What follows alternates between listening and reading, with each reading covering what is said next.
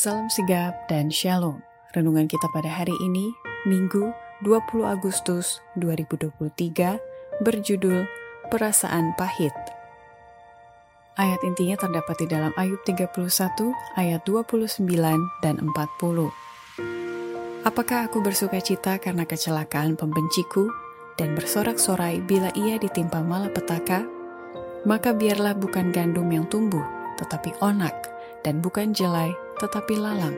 Sekianlah kata-kata Ayub.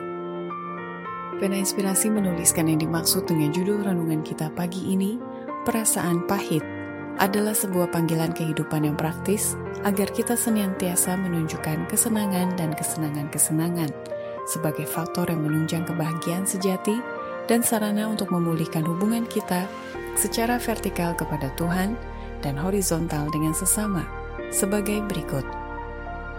Pertama, sekalipun ada perasaan pahit, namun kita harus ingat bahwa kehidupan kita harus diabdikan kepada kebaikan dan kebahagiaan orang lain, sama seperti juru selamat kita. Allah telah memberikan kepada masing-masing kita identitas kita masing-masing yang tidak bisa digabungkan dengan identitas orang lain. Tetapi ciri-ciri individu kita akan sangat berkurang jika kita berada dalam Kristus dan kehendaknya menjadi kehendak kita. Hidup kita harus diabdikan kepada kebaikan dan kebahagiaan orang lain, sama seperti juru selamat kita.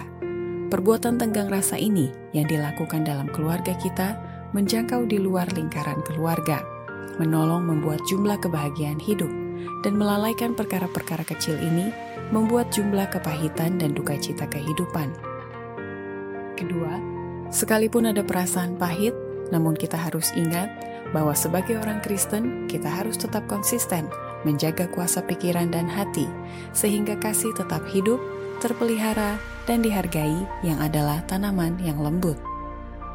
Kasih adalah tanaman yang lembut, dan itu harus dipelihara dan dihargai, dan akar-akar kepahitan harus dicabut dari sekelilingnya agar kasih itu mempunyai ruang untuk beredar, dan kemudian akan membawa di bawah pengaruhnya semua kuasa pikiran, semua kuasa hati, sehingga kita akan mengasihi Allah dengan sekuat tenaga kita dan sesama kita manusia seperti diri kita sendiri. Ketiga, sekalipun ada perasaan pahit, namun kita harus ingat bahwa jangan sampai kehidupan kita bertentangan dengan rancangan Allah, yaitu kemalasan dengan mengabaikan tugas-tugas biasa, karena kemalasan itu adalah dosa. Pendapat bahwa mengabaikan pekerjaan yang berguna adalah ciri-ciri penting dari pria atau wanita sejati, adalah bertentangan dengan rancangan Allah pada waktu menciptakan manusia. Kemalasan adalah dosa, dan mengabaikan tugas-tugas biasa adalah akibat dari kebodohan yang pada kehidupan selanjutnya akan memberikan banyak kesempatan kepada penyesalan pahit. Keempat, sekalipun ada perasaan pahit, namun kita harus ingat bahwa minyak kasih Kristus akan menghilangkan kepahitan. Makanya, jangan izinkan kejengkelan masak menjadi kebencian.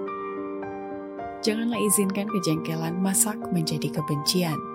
Jangan biarkan luka bernanah dan pecah dalam kata-kata beracun yang menodai pikiran orang-orang yang mendengarkan. Jangan biarkan pemikiran-pemikiran pahit terus memenuhi pikiranmu Pergilah kepada saudaramu dan dengan kerendahan hati dan kesungguh-sungguhan, bicarakanlah bersamanya masalahmu. Demikianlah renungan kita pada hari ini. Kiranya Tuhan memberkati kita semua.